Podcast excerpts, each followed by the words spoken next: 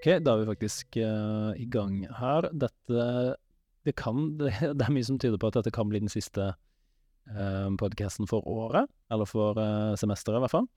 I, her på Vika. Um, og i god stil så har vi og Albert uh, bare sånn i gangen sagt Skal ikke bare ta og spille inn en podkast, da? Og så Jo, vi gjør det. Så dette er ikke planlagt, men vi vet sånn cirka hva vi skal snakke om. Eh, og Sånn er det gjerne på skoler, da, at uh, ting går litt fort. Dette er jo ikke primært det vi driver med, å lage podkast, selvfølgelig. Eh, men siden vi er høyt utdanna profesjonelle folk, så kan vi faktisk bare snakke om det vi gjør. Ja. Så eh, siden det er meg og deg som er her nå, så er det jo kanskje Skaperverkstedet eh, som er greia. Eh, hva har skjedd på skaperverkstedfronten i år? Vi har jo fått et helt nytt trinn så vi har gått uh, nesten doble antall elever. Um, også de ansatte. Så det har jo blitt uh, langt flere brukere av Skapverkstedet. Um, både blant elever og lærere. Um, men det er fortsatt en lang vei å gå. Mm. vi er på ukjent farvann. både når det gjelder det faglige, altså det å integrere det faglig, eh, men også å bruke det som en sosial arena. Ja. eh, i fritimer og friminutt. Um, men, men, det er en markert forskjell fra i fjor, syns jeg. Altså, det er jo ja, ja, betydelig. Eh, mye folk her oppe hele tida, mange timer, men også utenfor timene, friminuttene. Um, vi har også hatt noe sånn uh, bok- og symaskin-kvelder her. Syklubb? Ja, bok- og syklubb, altså med de ansatte på etter, ettermiddag og sånne ting. For å, både for å lære seg utstyret, men også bare for å ha det hyggelig. Ja, og det har faktisk vært på uh, lærernes uh, eget, eget, initiativ, så ja. det er jo veldig fint å se.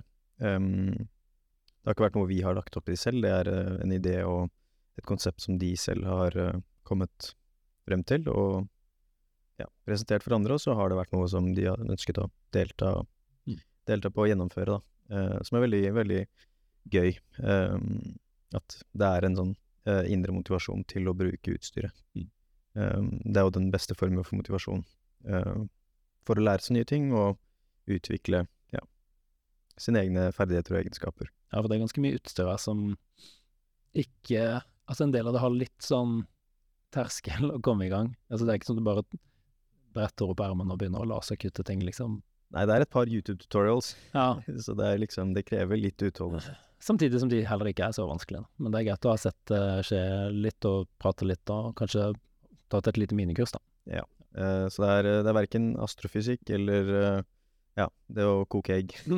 Nei. Men det er samtidig, altså, det er jo man utsetter seg for en helt ny type teknologi, en ny tilnærming til å ja.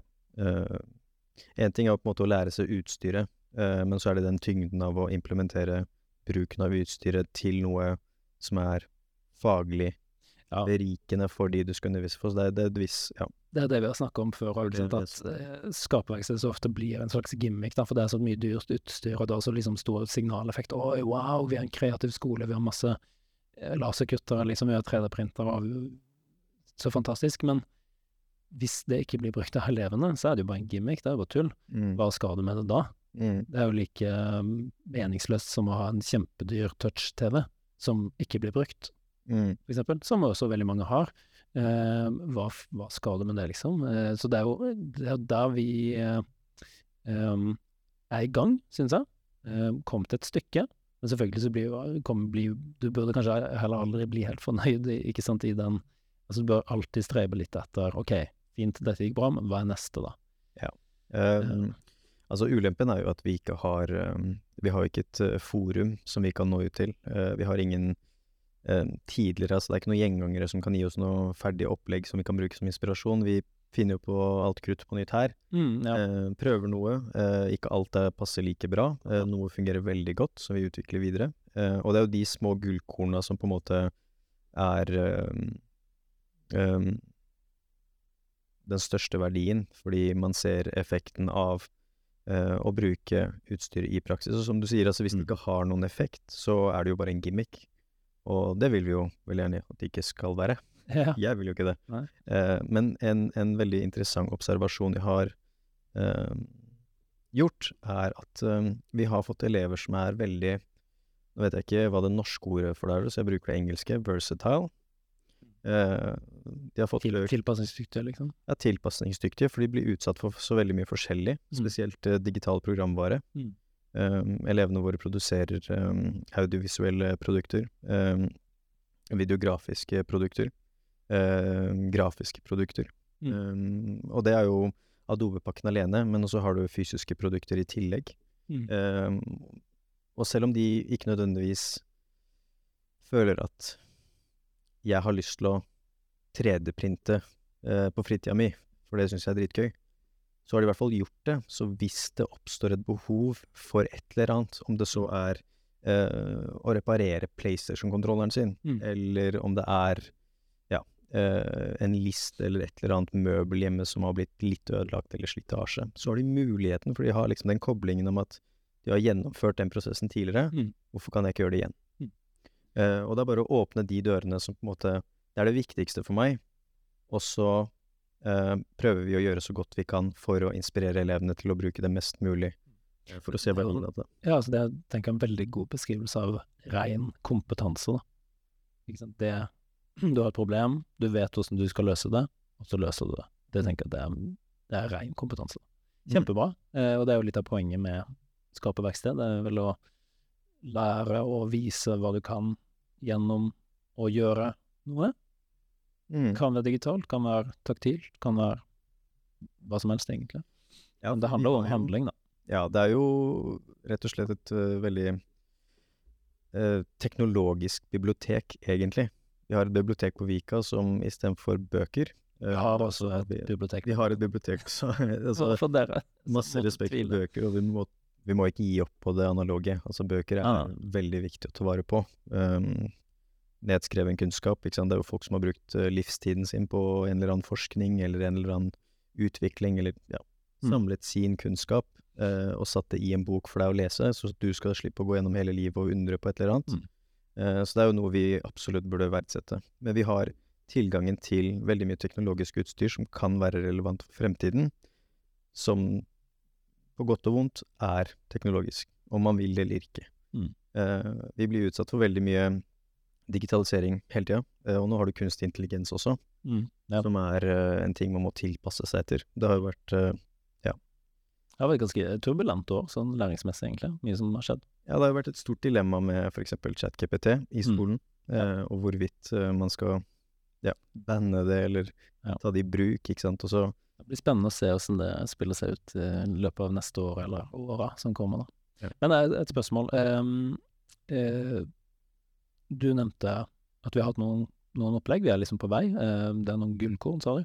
Hva, er det noen ting du vil trekke fram som har vært bra i år? eh, tenker du konkrete opplegg, Ja. eller? eh, ja. Det går veldig, veldig sånn detaljert, men bare liksom Skal vi se. Ikke vente for lenge, da, for det høres ikke ut som det er nå, liksom.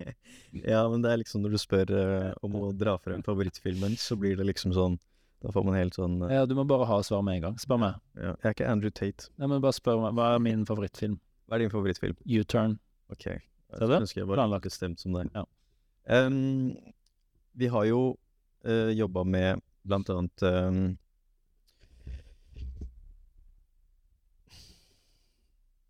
Nå må jeg snart gripe igjen her. Ja. Nei, men uh, nå står det stille her, altså. Uh, Skal vi finne den der crickets uh... ja, ja.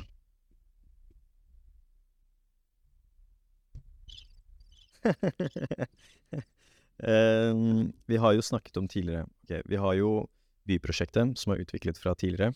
Det er jo ikke et nytt prosjekt, vi prøvde det i første året, men det er Mhm. et gullkorn som vi har valgt å videreutvikle. mm, Tverrfaglig. Ja. Tverrfaglig. Mm. Eh, Det som er fint, er at vi, hver, hver, gang, hver gang vi gjennomfører det, så lærer vi noe nytt som kan gjøres bedre. For å effektivisere prosessen, eh, flaskehalser som oppstår, ikke sant. Um, når 150 eller 180 elever skal lasergutte bygningene sine, så blir det jo gjerne øh, mye ventetid og mye Mm. kø for lasergutteren, ikke sant. Um, men så gjør vi noen tilpasninger, finner ut at noen materialer er bedre egnet for et sånt prosjekt enn andre. Ja. Eh, eh, simpelthen fordi det er lettere å kutte, så det går mye raskere å kutte. Mm. Um, og da bruker man uh, totalt sett mye mindre tid per bygning, Mm. ikke sant. Så det er flaskehals. Sånn, Ja, Mm. ikke sant? Så vi lærer jo sånne små detaljer som gjør ting mye mer gjennomførbart, og de gir rom for uh, kanskje andre ting. Eh, mer tid til designprosessen. Eh, mye mer tid til uh, For eksempel i år så måtte vi unngå dette med å gravere bygningene, for det tok eh, rett og slett for mye tid i fjor. Um, men som vi har funnet et alternativ til kuttinga som gjør kutting, kuttingen mye raskere, Uh, så kan vi plutselig sette av litt tid til at de faktisk kan dekorere bygningene sine Mm. med Du kan gjøre det på andre Det- måter, da. ja, med, Mm. med graveringer Ja, neste gang. ja. Um, et annet prosjekt er uh, naturfag, for eksempel. Det har jeg også forklart til nyansatte. Det et veldig kult uh, um, innspill, og det er et initiativ fra naturfagslærerne som er veldig kult. Og da har de jobbet med skjelettet. Noen klasser hadde menneskeslette, noen andre hadde dyreskjelett Jeg har sett det, faktisk. Ja. som henger litt rundt om i klasserommene nå, laben. Um, og uh, det som var litt kult med det prosjektet der, var at uh, alle klassene ble delt inn i grupper. Uh, hver gruppe fikk eh, eh, et spesifikt skjelett i kroppen eh, å fokusere på. Og da skulle de gå i dybden på det spesifikke skjelettet. Altså et bein. Et bein. Ja. Ja, skjelettet er vel hele greia. Ja. Så et bein, da. Um, nå skulle de gå i dybden av det beinets funksjon i eh, skjelettet. Ikke sant? Uh, og da går man på dybdelæring. Ikke Mm. sant? Mm. og så, som gruppe, hele klassen, hadde jo da et fullstendig skjelett som ble lasegutta. Uh, det tegna de i Illustrator um, som en vektorfil, og så ble det lasegutta og satt sammen til et fullstendig skjelett. Og dette var da virkelig størrelse, da, så de brukte jo eksempel læreren sin som eh, mål. Da lagde de liksom skjelettet til læreren, da. Okay. Um, og så har de etterpå presentert skjelettet, altså beinet sitt, for eh, resten av klassen. Og, ja. Mm. Så har vi fått en litt mer sånn, forhåpentligvis, da, eh, en dypere forståelse for de ulike delene av skjelettet, og hvilken rolle de spiller, da. Da implementere det er jo lærer også i friluftsliv, så skal ta implementere det i friluftsliv neste år. Så bruke hvordan du kan bruke hofteskål når du skal lage friksjonsild. Hofteskål? Ja. Hofteskål til rådyr, eksempel. Det må være en viss størrelse, da. Ja, okay. Eh, Men lete etter Menneske- råd- hofteskål er kanskje litt drøyt, rådyr men først, Også. ja, finne rådyr, og så liksom slakte, preparere, spise og sånn. Og så hofteskåla. Perfekt til uh, buedrill, spesielt. Ah, ok. Veldig fint. Interessant. Eh, Vet å begynne hvis jeg, vite hvis jeg finner et sånt En hofteskål. Ja, ja. Hvis jeg finner det ute i villmarka. Eh, ikke sant? Ja, men det Nei, og så har vi jo hatt eh, litt andre prosjekter. Vi har eh, også en uh, naturfaglærer, IT-lærer, Thomas, Mm. Um, er en del av faglaget, Um, og har um, kommet med litt kule innspill, både i IT-faget, men også naturfag. Hvor de har jobbet med mørkerom og dette med absorbering av lys og varme. eh, og da har de brukt sensorer å lage disse mørkerommene, da. Eh, det har jo ikke vært noe spesielt sånn teknologisk avansert produkt, men uh, de har kunnet produsere det her oppe. Mm. Uh, og det jeg har sagt tidligere når vi har besøk og folk kommer på omvisning og sånne ting, er um, den virkelige verdien i det å jobbe med et skapverksted i undervisningen, er feedbacken elevene får på kunnskapen Mm. de tar i seg. Um, podcasten, perfekt eksempel. Jeg elsker å bruke podcasten som et eksempel for det her, fordi når du sitter i podcaststudio, du har på deg headset og du bruker en mikrofon, så får du live feedback på måten du prater på. Mm. Og hva gjør det? Én, du tenker over måten du prater på, Mm. Eh, altså tonefallet ditt, Formulering. innpust, utpust. Um, du tenker veldig over når andre snakker. Det er veldig tydelig hvis jeg snakker over deg eller du snakker over meg. Det, gjør en sånn, det gir deg en bevissthet rundt dette med gruppedynamikk og det å samtale, ha en samtale med andre. Um, men også har det det der profesjonelle aspektet hvor du får følelsen av at stemmen din høres mye bedre ut. Det høres profesjonelt ut. Du får en sånn eh, annen selvtillit når du snakker inn i mikrofonen enn hvis du hører liksom bare en recording av deg selv på mobilen. Mm. Ikke sant? Det er jo skrekk eh, for de fleste. Eh, og det gir en annen bevissthet når det gjelder prestasjon, Ja. føler jeg i hvert fall. Um, og vi har faktisk flere elever som bruker podcaststudio ikke til å spille inn podcaster, men å sitte her i lunsjpausene sine eller i fritimen og snakke med hverandre. Mm. Fordi de liker å ha på headsetet og prate inn i mikken. For det høres mye bedre ut. Ja. Eh, og jeg tror den bevisstgjøringen, Ja, er den feedbacken, den gjør noe med måten man presterer på. Mm. Måten man Ja, så det, er jo Jeg tenker også det er um, Du blir utsatt for noe, da. Du blir vant til det. Så når Hvis du er vant til å sitte her, vant til å bruke utstyret, så er jo det kompetansebygging. Og når du da plutselig skal gjøre det i en formell setting, f.eks. i et fag eller en annen setting, så er du forberedt. Du er godt Mm. forberedt. Da kan du det. Det er Mm. kompetanse igjen. Og så er det den der bevisstgjøringen. Fordi når du er bevisst over at um, for eksempel tempo du, du hører veldig fort uh, hvis du begynner å prate veldig fort. Mm. Uh, når du får en voice crack fordi du prater på utpust. Og du går tom for pust. Mm. Og så er det en ting som på en måte registreres hos meg, i hvert fall. Uh, jeg, men jeg håper det også skjer hos elevene. At Mm. det blir en sånn bevissthet de har når de faktisk snakker med en annen person uten headsetet. At det er en ting som de husker. Ja. Husk å puste med magen. Prat rolig, ikke prat for fort. Formulering. Mm. Artikulering. Ikke sant? Eh, og de tingene der mener jeg kan bidra til økt kompetanse når det gjelder kommunikasjon Mm. eh, men også formidling. Ikke sant? Mm. Eh, og denne, denne verdien kan overføres til det andre utstyret også, dette med skjelettet for eksempel. Eh, for det er i bunn og grunn ingen essensiell verdi i seg selv at de laserkuttet et skjelett. De fleste skoler med en lab har jo sikkert et sånt menneskeskjelett. Som Mm. de kan bruke undervisningen for uh, å illustrere hva de ulike delene er, og hvor de er, og sånne ting. Men elevene får en helt annen tilknytning til oppdraget de får. Mm. Når du sier til en elev at de skal fokusere på det beinet der, det er oppgaven deres, og dere skal produsere det. Og de får produsert det. Selv om det ikke er noe wow-faktor ved det, så er det dems produkt. Mm. Og de har gått gjennom en prosess hvor de faktisk har laget det. Ja, Læringsprosessen for de er jo noe helt annet enn hvis de bare Her er det her er en femur, liksom. Og litt sånn sentimental verdi, da. At det er Vi har laget det her. Ja. Eh, Sentimental, tenker du? At de blir ja, de blir liksom emosjonelle. Er sånn de går inn i De bryter ned. De bryter sammen da, hvis de tar fra de beina, eksempel. Helt riktig. Så det er liksom De har folk som har Nei, det er bare tull. Um, Ja, men, eh, Men de, de får en det, det, det skaper en litt sånn det, det gir jo litt sånn ekstra verdi. Ja. De har laget noe selv. ja, nå har det kommet veldig bra i gang, for det gikk litt trått å begynne med, men nå er det, nå, nå er det masse opplegg. Ok. Eh, men, men jeg har et oppfølgingsspørsmål. Eh, vi, eller ikke spørsmål, det er informasjon. For det er også noe annet som, som har skjedd i år, som jeg syns er veldig forskjellig fra i fjor, i hvert fall. Det er at vi har um, vi har starta et slags nettverk. Um, Eller starta og starta, vi er iallfall med i et nettverk. Um, for skaperverksted i uh, egentlig Oslo-skolen, men det som er litt gøy, er at det er også skoler ut fra altså området rundt Oslo da, som er med. Så det, og det, hvis det er noen andre som hører på dette og har lyst til å være med, og måtte ha noe ja, vil, vil vite hva det er for noe, så er det bare å ta kontakt, selvfølgelig. Um, uh, og den første samlingen var her på Vika. og Så har det vært flere samlinger rundt omkring på andre skoler, og det er jo et nettverk, et slags initiativ som vil fortsette neste år også. Ja. Eh, Det er faktisk eh, veldig, um, en, positiv, en, veldig, altså en veldig positiv utvikling. Jeg begynte på Vika. Um, så var det jo egentlig Altså når jeg studerte, eh, rett før jeg begynte på Vika, um, så var det egentlig ikke Hørte jeg ikke at det var en aktualitet at skoler skulle implementere noen form for skapverksted i skolene sine. Um, jeg hadde hørt litt sånn vagt eh, at ja, det var interesse for 3D-printere eller en vinylkultur, ikke sant. Men altså, konseptet et skapverksted er ikke bundet til én type maskin.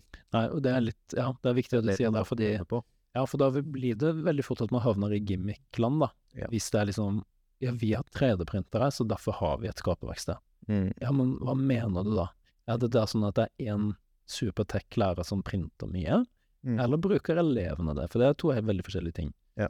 Ehm, og jeg tror at i hvert fall før, så Jeg kan snakke for min egen del. Jeg har vært den læreren, Mm. ikke sant, Eh, som har gjort eh, Altså, vi har 3D-printa mye selv, liksom, og det hjelper jo ikke nødvendigvis elevene.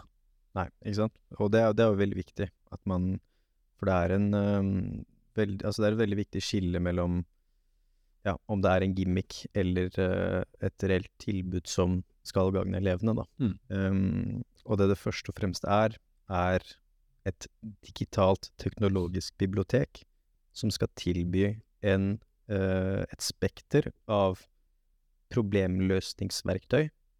Ikke sant? Og da skal man jobbe med prosesstenkning. Eh, altså jobbe i prosesser. Mm. Og løse problemer som forhåpentligvis skaper et produkt til slutt. Eh, Spørsmål. Mm. Når du sier eh, teknisk digitalt bibliotek, Ja. eh, mener du da at skaperverkstedet skal være det? For det, jeg tenker jo Ikke nødvendigvis. ikke nødvendigvis Teknologisk. Altså, kan det ikke være en sag, Absolutt. ikke sant, eller en høvel? Det, Så lenge Ja, du det er skaper noe, en kniv, viktig. liksom. Ja. Det sånn, altså, vi har jo brukt det i friluftsliv. Ble litt såra faktisk over at du ikke nevnte at vi har brukt det. Nei, men vi har hatt fagdag her der, der folk skal lage um, Altså symaskin, da. Mm. En symaskin, ja, det er jo tek teknologisk, men de trenger ikke være digitale, ikke sant. Ja. Eh, Men all, all, alt, alt vi har er teknologi. altså En pil og bue er jo teknologi, ikke sant. Et hjul er teknologi. Så, Mm. så um, i friluftsliv så har vi prøvd å Altså vi har fagdager der vi skal lage eller reparere friluftsutstyr, og så ta det i bruk på tur. Enkelt og greit. Ja. Ganske basic, på en måte. Eller det kan være superavansert. Du kan sy et telt, liksom. Mm. Eller du kan lappe et hull på ei jakke. Ja. Um, Ja, så det er jo viktig å nevne at det på en måte ikke er Teknologien i seg selv er ikke alfa og omega for et skapverksted. Eh, det er flere skoler der ute som allerede har skapverksted simpelthen fordi de har en naturfagslab. mm, ja, ikke sant. eh, Eller en sløydsal. ja, eller en sløydsal. Eh, det er jo mest måten å arbeide på eh, som på en måte er essensen i det hele. Mm. Eh, og du trenger ikke nødvendigvis å ha veldig mye dyrt utstyr, så lenge um, det pedagogiske er eh, Altså det pedagogiske fokuset ehm, er i den skapverkstedsmetodikken, Mm. eh, da. eh, som ofte handler om det å jobbe i prosesser. Eh, om det så er designprosesser eller ja, Mm. hva det måtte være. Eh, men ja, vi hadde det veldig gøy med Friluftslivsprosjektet. Det var veldig bra. Elevene koste seg. Eh, Vil, vil du si at det var det beste opplegget? det var det beste. Ja. Ja. Eh, det var det beste opplegget vi har hatt. Takk, det var hyggelig å være her. men det var faktisk eh, et veldig godt eh, Et veldig godt eh, opplegg. Fordi friluftsliv, når du tenker på friluftsliv, så er jo det så fjernt fra eh, det å sitte inn i et klasserom. Det kan ikke bli mindre friluftsliv enn det, annet enn teori, da, hvis du skal lære ren teori. Friluftsliv er jo Man er ute og gjør ting ute, og lærer ting ute, Mm. som regel. Um, så det var kult at du kunne ta med friluftslivgjengen inn, Mm.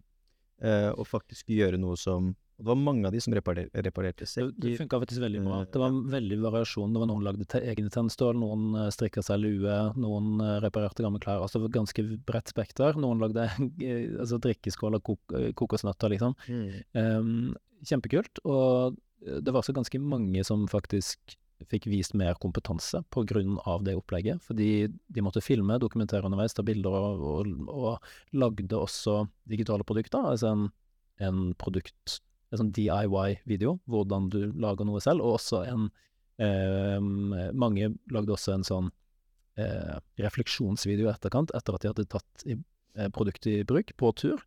Så det er klart at når man har friluftsliv, da, dette er en, sånn, en oppfordring til friluftslærere, fordi at hvis vi er ute på tur da med 30 elever, du får ikke sett alt alle elevene eh, kan hele tida, for de er spredd over et stort område. Ikke sant? Og Hvordan kan du da si at de har vist kompetanse? Er det bare fordi at de er til stede, eller er det at de faktisk viser kompetanse? Fordi hvis de da leverer inn en video hvor de tar i bruk et produkt som de ikke bare bruker, men de også har lagd, så er jo det veldig omfattende kompetanse som, som de får vist. Så, så det, det kan fylle ut en del hull, da. Um, en fin differensieringsmetode, rett og slett. Absolutt. Men det er også kobla litt til, tilbake til det jeg snakket om i stad. Um, jeg vil tørre å påstå at det er en del av de elevene som kanskje aldri har reparert et plagg før. Ja. Aldri giddet, rett og slett. Vi er så heldige her i Norge at vi har det så bra at vi trenger ikke å tenke på at eh, vi må reparere den buksa. Vi kan mest sannsynlig gå og kjøpe en ny. Mm. Uh, eller den sekken, ikke sant? Og jeg tror den virkelige verdien Én ting er at de har vist kompetanse og fått kompetanse, eh, men de har blitt utsatt for å faktisk gjøre det.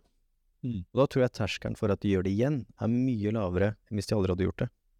Ja, det er sant. Eh, hvis de for eksempel har en sekk som nå revner, eller en bukse Mm. som spjæler, eller de må lappe et eller annet plagg eller noe sånt, ting, så har de gjort det før. Mm. Så den frykten for å ta en symaskin i bruk, eller eh, hvordan gjør jeg det, er det vanskelig, er det ikke vanskelig, de har gjort det før. Ja.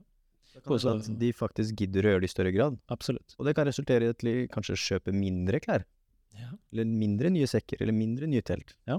Og så har du et bærekraftig perspektiv som Ja, som selvfølgelig Man trenger ikke å være enig i det, men jeg mener det er et viktig perspektiv. Men et perspektiv jeg mener at man ikke kan være uenig i eh, hvis man er smart, det er at det er sikkerhetsperspektivet da, på tur. Ikke sant? Hvis du har lagd et produkt og så kan reparere det, så har du høyere kompetanse, og eh, hvis man har vært på tur, så vet man at ting kan skje, ikke sant? Man kan miste ting, for eksempel. Da vet man hvordan man kan lage et substitutt. Mm. Eh, hvis du kan lage en flintkniv, for eksempel, så hvis du mister kniven, så har du, kan du lage en ny kniv. Ikke sant? Nå er ikke så mye flint i Norge, da, så dårlig eksempel, men ikke sant? Eh, hvis, du, hvis sekken sperrer, så er det et stort problem. Eh, men hvis du da kan, kan sy en, en søm som holder, ikke sant, legger på noe ekstra stoff, og, ikke sant, så er du mye mindre hjelpeløs enn Mm. hvis du ikke kan det. Mm. Og terskelen for å bare fikse ting as you go Ja. eh, er mye lavere, og resultatene er stort sett bedre sant, hvis du har gjort ting før. Du ser løsninger som du ellers kanskje ikke hadde sett. Så det er rett og slett um, sikkerhetsperspektivet. da. Ja. Du kan løse problem som du ellers ville hatt større problemer med å løse. Mm, definitivt. Og vi hadde jo et par eh, Det var mye sånn spesielt eh, friluftslivsutstyr. Pleier jo å koste litt, da. Ikke sant. Det skal jo være rigid, det skal være god kvalitet, det skal jo egentlig holde lenge. Så vi hadde jo noen som hadde utstyr som var ganske verdifullt, Mm. og istedenfor å måtte punge ut masse penger for et nytt plagg, så reparerte de det gamle plagget, og Mm. det funker som om Ja. som vanlig. En lapp ei fjellrevenbukse til 2000, liksom, eller vil du kjøpe en ny? Ja, Altså, det det, eneste det går ut over, er kanskje, altså i, i den minste grad, uh, noe estetikk. Egentlig syns jeg jo at uh, lappautstyr er mer sjarmerende. Ja, ikke sant. Ja. Men det er jo enda subjektivt. Ja, det er subjektivt. 100 men, subjektivt. Men uh, absolutt. Altså, det er jo en, det er jo ikke en stor konsekvens. Altså, du, med tanke på hva du sparer på å gjøre det, Mm. så er det mye mer attraktivt, Ja. enn jeg, da, uh, enn å kjøpe et nytt. Ja. Så kan man heller bruke de pengene på noe mer fornuftig. Ikke sant? Men når vi snakker om fortiden, hva med fremtiden? Hva med neste Altså, eh, hvis dette blir siste episode, så må vi jo eh, En liten sånn teaser. Hva er det som kommer til høsten, da? Til høsten skal vi jobbe litt med noen nye tverrfaglige prosjekter. Eh, Jeg og Eirik samarbeider om noen kule ideer som vi har lyst til å få gjennomført. Eh, Blant annet noen semesteroppgaver, eller spesialistoppgaver. Vi har ikke helt landa på tittelen for det ennå, men eh, vi har lyst til å mm, selvfølgelig utvikle flere undervisningsopplegg eh, for lærere. eh, Utvikle nettverket for Skapverkstedet enda mer. Mm. Det har vokst veldig mye eh, på den korte tiden. Det er mange skoler som er med, ass. Ja. Mm. Um, og stadig nye. Ja. Uh, Senest i dag så var det flere som ble lagt til der. um, og vi skal ha flere samlinger til høsten, selvfølgelig, og til våren. Um, uh, første samling blir sannsynligvis på Oslo Met, uh, faktisk. Kult. Kan ikke si så mye mer enn det akkurat nå, men Mm. det blir bra. Og det er jo i seg selv en veldig stor bragd, det, det å se at uh, flere skoler, flere ledelser på skoler uh, uh, åpner armene litt mer for nytenkende ja, metode i skolen, og tørre å faktisk prøve noe nytt. Det er ikke noe enkel feat å seile på ukjent farvann. Det er jo mye stormer og vind og ikke sant.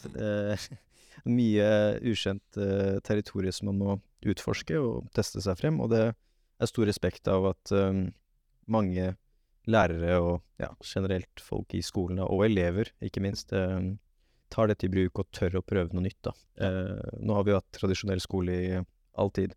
Uh, jeg kan huske, og det har ikke vært uh, store endringer. Eh, jeg mener at eh, makerspace-konseptet, selv om det fortsatt eh, er veldig ferskt og ikke konkretisert nok, eh, så mener jeg at det er et veldig fint tilskudd til skolen Mm. eh, og kan være en veldig fin ressurs for å endre måten man jobber med skole Ja. på. Da.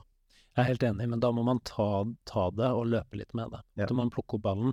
Ja. Eh, og hvis man blir stående der og dabbe den ballen, så syns jeg kanskje at det er en gimmick. Mm. Hva skal du gjøre da? Tegne noe i 3D og printe det ut, liksom? Hva? Altså, det holder ikke, da. Ja. Det må være en større greie, liksom. Ikke for å disse noens 3D-opplegg, men hvis, hvis det er alt som Makerspace kan tilby, så er det litt sånn da, Det blir litt tamt, da, syns jeg. Men, men jeg tror det kan bli utrolig mye mer enn det. Det kan bli hva som helst. Eh, kompetanse er jo til syvende og sist ofte noe fysisk, da. Eller noe konkret. ikke sant? Mm. Noe som tar teori, og anvender teori til å gjøre noe faktisk. Ja. Og det er jo Makerspace. Mm. Det er jo å, å lage noe. Hva med for eksempel å eh, programmere et dataspill Mm. som viser en eller annen kompetanse? Ikke sant? Ikke sant? Det er ikke noe. Det er ikke et fysisk produkt, men det er et produkt. Um, uh, ja, bare som et eksempel, da. Det kan være hva du vil. Ja. Det som er vanskelig, er ikke å finne ut hvilket fag Makerspace kan anvendes som en metode i. Det er det motsatte. her er en utfordring til dere som hører på. Jeg vet ikke om noen hører på. eh, prøv Altså, eh, det er en utfordring, da. Finn et fag hvor makerspace ikke kan brukes. Det finnes ikke. Det er min uh, påstand. da. Det finnes ikke. Da er det i så fall um, Sorry, men da er, det, da er det din på en måte evne til å uh, tenke kreativt rundt, uh, rundt, den metoden som er begrensningen, faktisk. Ja, altså, når du nevner det, så er det jo først så tenker jeg sånn gym. Men nei, nei, du kan jo faktisk produsere noe i gym. Ja, selvfølgelig. Ja, ja. Lage en treningsdagbok. Ja. ikke bare det, men du kan faktisk lage um, Veiledningsvideoer. Du kan lage uh, treningsverktøy. Ja. Uh, ja. Si du sliter med håndleddet, du kan lage et uh, supplement for mm. Altså et, et, et, støtteapparat for håndleddet ditt, så når du trener, så har du noe som hjelper med å løfte eller ja. bære, eller hva enn det måtte være. Ryggstøtte, knestøtte, ankelstøtte. Det er veldig mye. Faktisk, ja. ja. Ja, ikke sant. Altså, det Ja, det hadde ikke jeg tenkt på. Der ser du, ikke sant? Ja, men det krever også, Hvis utfordringen er finn et fag hvor uh, makerspace-konseptet ikke fungerer, ta deg en dag til og tenk gjennom det. Ja. Min, min påstand er det finner et fag, ta deg en dag til og tenk gjennom det. Og hvis du fortsatt ikke har kommet på noe, ta kontakt med oss. så skal vi komme på noe. vi skal greie å komme på noe. Men når det er sagt, da, så er det ikke dermed sagt at det er drit. Å, det er enkelt, det er sånn quick fix. Det er det ikke. Det er beinhardt arbeid. Eh, og jeg vil påstå det er ganske mye høyere terskel enn um, si klassisk, vanlig klasseromsundervisning, da, hvis du skal kalle det det. Ja, mye, mye, mer komplisert. Det er, logistisk, altså det er logistikk rundt det. Det er Du må tørre å gi litt slipp på elevene. Så elevene må faktisk også trenes. De må være litt autonome. Hvis de sitter og venter og mottar liksom, de, Hvis de bare er sånn konsumenter av innhold, så vil det ikke funke. Så de må trenes i det. Eh, og, og der er jo ikke vi på plass helt ennå. Vi har en del elever som er flinke, men vi har også elever som ikke helt får det til. ikke sant?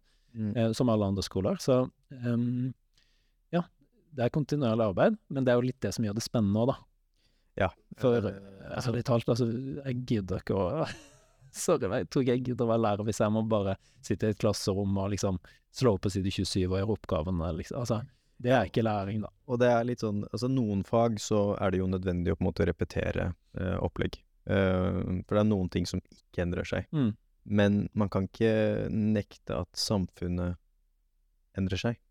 Og det gjør det i lynrask hastighet nå ja, ja, ja. tiden. Uh, spesielt på den teknologiske fronten. Mm. Um, og jeg tror det å på en måte utsette seg for nye ting, mm.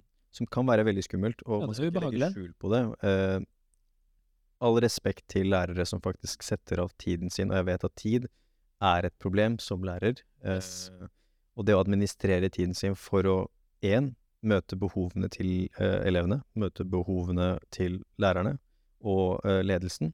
Eh, det, er veldig mye ansvar de allerede bærer på. Mm. Og det å kunne bære på den tygge, det, det tunge ryggsekken i tillegg til å legge på et par ekstra kilo og prøve noe nytt, det står det veldig stor respekt av. For det er ikke enkelt arbeid å være lærer i seg selv. Nei, nei, nei. Og det å være utforskende lærer og tørre å prøve noe nytt, mm. det, det er det stor respekt av.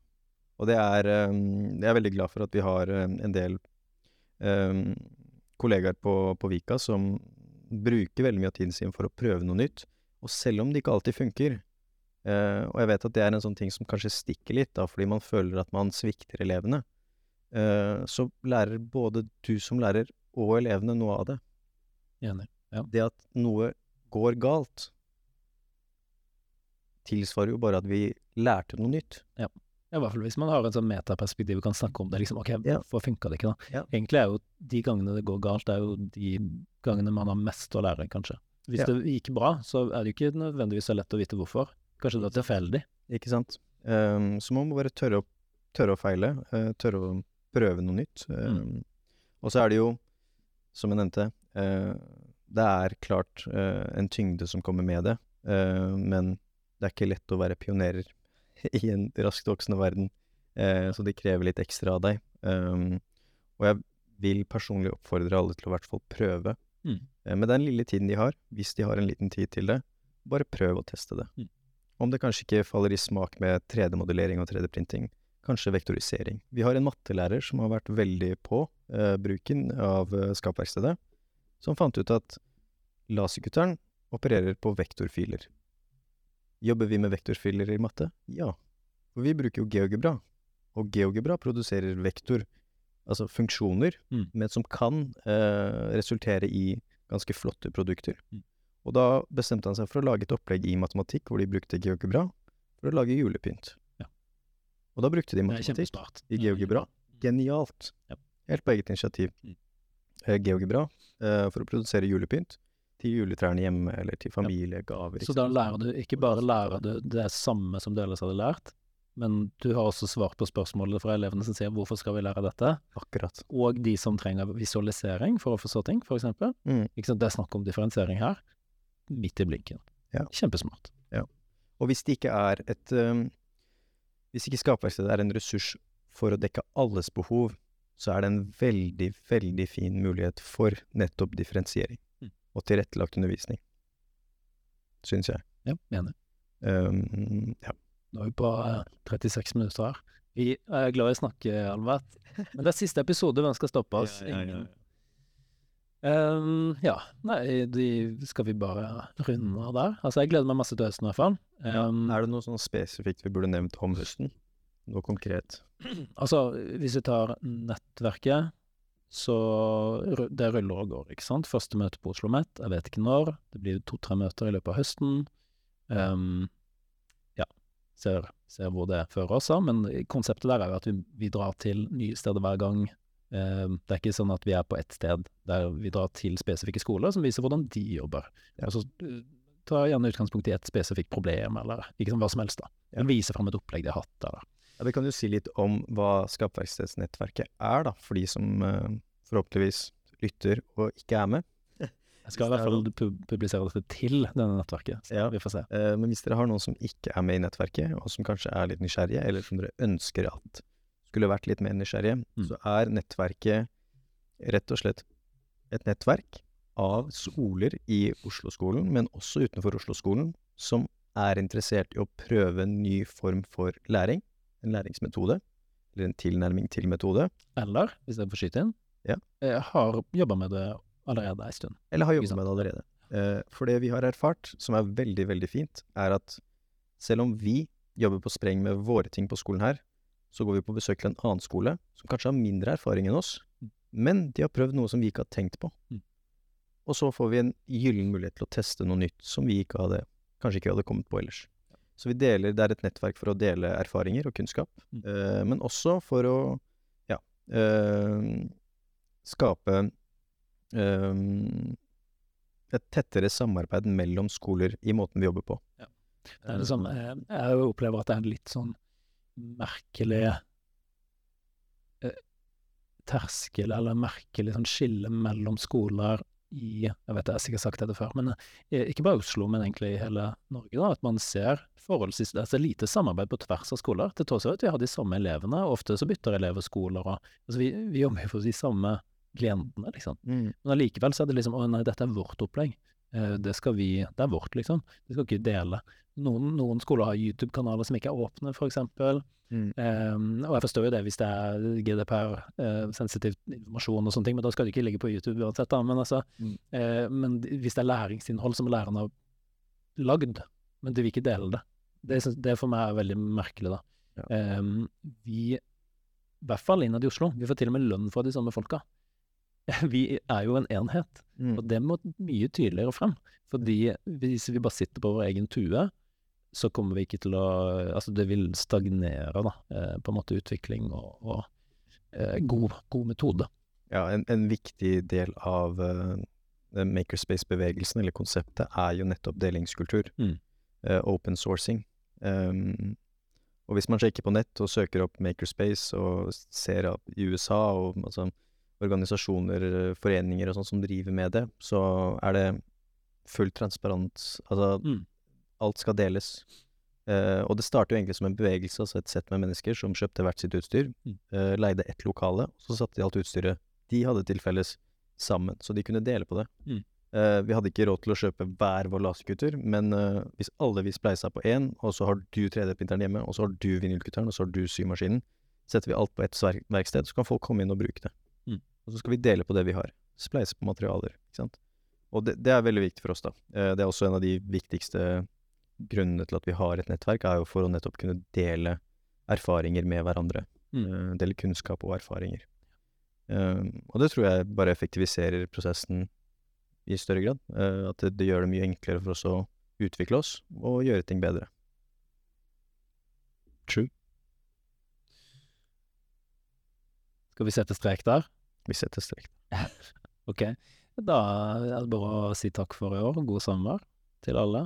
Takk for i år.